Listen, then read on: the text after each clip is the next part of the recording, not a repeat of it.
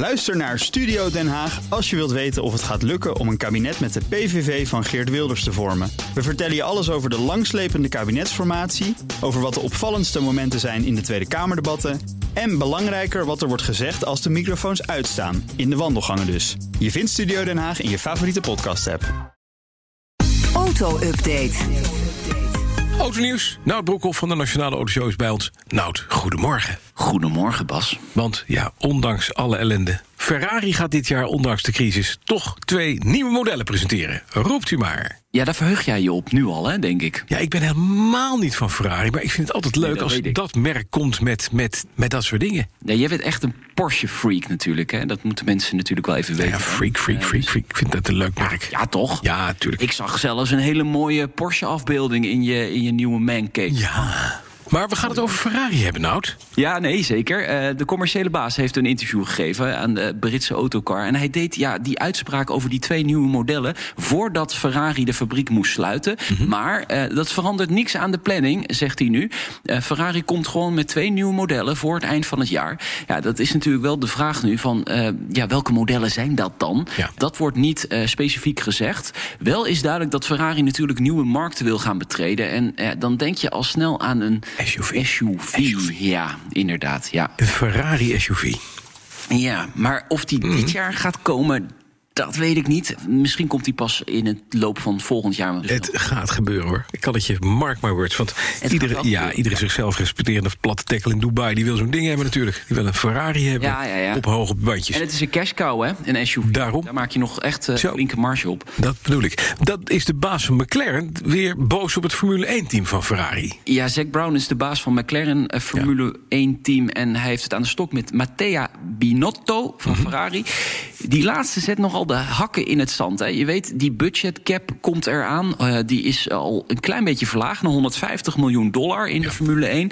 Maar die Binotto die wil dat niet verder verlagen. Of in ieder geval, hij wil geen overhaaste beslissing daarover nemen. Nou, Zack Brown, die wil dat wel. En eh, die wil eigenlijk eh, dat zo snel mogelijk doen. Omdat de kleinere teams, ja, die voelen natuurlijk het water nu aan de lippen staan in deze coronacrisis. En hij is not amused van hoe Binotto zich opstelt. Hij zegt, het leiderschap van hem is zwak. Omdat hij om eh, tijd vraagt in de grootste crisis die deze wereld ooit heeft gezien. En dat citeer ik dan. Kijk, ja, er spelen gewoon verschillende belangen. hè. Eh, Er zijn kleine teams in de Formule 1. En je hebt natuurlijk Ferrari, de trots. En eh, ja, die denken van, als we nog meer moeten inleveren op die budgetcap... dan moeten we gewoon heel veel mensen ontslaan. En ja, dan, dan staat gewoon een, een, een honderdtal van onze mensen op straat. Hij komt daar gewoon voor op, Binotto. Dus Ja. Dat, ja, dat is ook alweer te begrijpen. Wel te begrijpen. Anderzijds, het zou een mooi level playing field geven... tussen wat kleinere en de veel te grote teams. Hè? Dat is wel het verhaal. Ja, dat Ja. klopt. Alleen de Formule 1 is nooit echt eerlijk, Eerlijk, geweest. nee. Er zijn altijd, nee, er zijn altijd teams geweest die meer kunnen investeren dan de rest. Precies. En om te danken aan eh, de kleine Ecclestone... die daar heel rijk van geworden is. Dan gaan we nog even hebben over klassieke rijbekomen bij mijn merk. Porsches met een modern infotainment systeem. Dat kon al. Je kon al een. DIN-radio krijgen... met alle navigatie erin die ook op een, op een gewone nieuwe Porsche zit... in je oude. Maar er is weer een Ja. volgende versie op. Ja, er is een nieuwe versie inderdaad eh, verschenen. De Porsche Classic Communication Management. En daarmee kun je dus systemen als DAP+, Bluetooth, Apple CarPlay, navigatie-apps... die kun je allemaal inbouwen en gebruiken in je klassieke Porsche. Nou, eh, je hebt nu twee varianten die op de markt komen. De, no- de normale eigenlijk, die is geschikt voor Porsches vanaf de jaren 60 tot het 993-model. En ook de 924 en de 928. En dan komt er nog een Plus. eh, die is geschikt voor de 996-model, eigenlijk vanaf dat model. Ja. En de eerste generatie Boxer. En dat is een 7-inch touchscreen scherm met alle toeters en bellen eraan. Dus DAP+, Bluetooth, Apple CarPlay, Android Auto, navigatie-apps. Ja, Hij lekker, kan hè? nog net geen koffie zetten. En vanmiddag in de autoshow, nou, wat hebben we daar?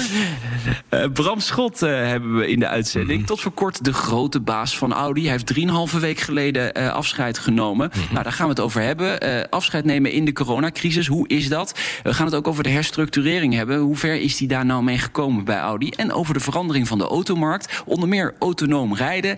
Ja, jullie zeggen autonoom is een droom, hè? Toch bij Ja. Petrolheads? Ja, de grote belofte van autonoom rijden. En ook Bram Schot denkt dat het niet zo snel en niet zo'n vaart gaat lopen. Nou, ik denk dat dat, eh, ik denk dat dat afkoelt. En ik denk dat je een eh, standaardisering gaat krijgen in de assistentiesystemen in een auto.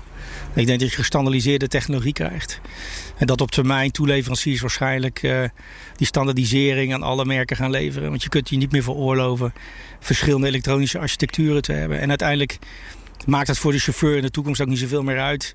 Weet je, maakt jou wat uit of het nou uh, een, een, A, B of C technologie is. Het, moet gewoon, het ding moet het gewoon doen.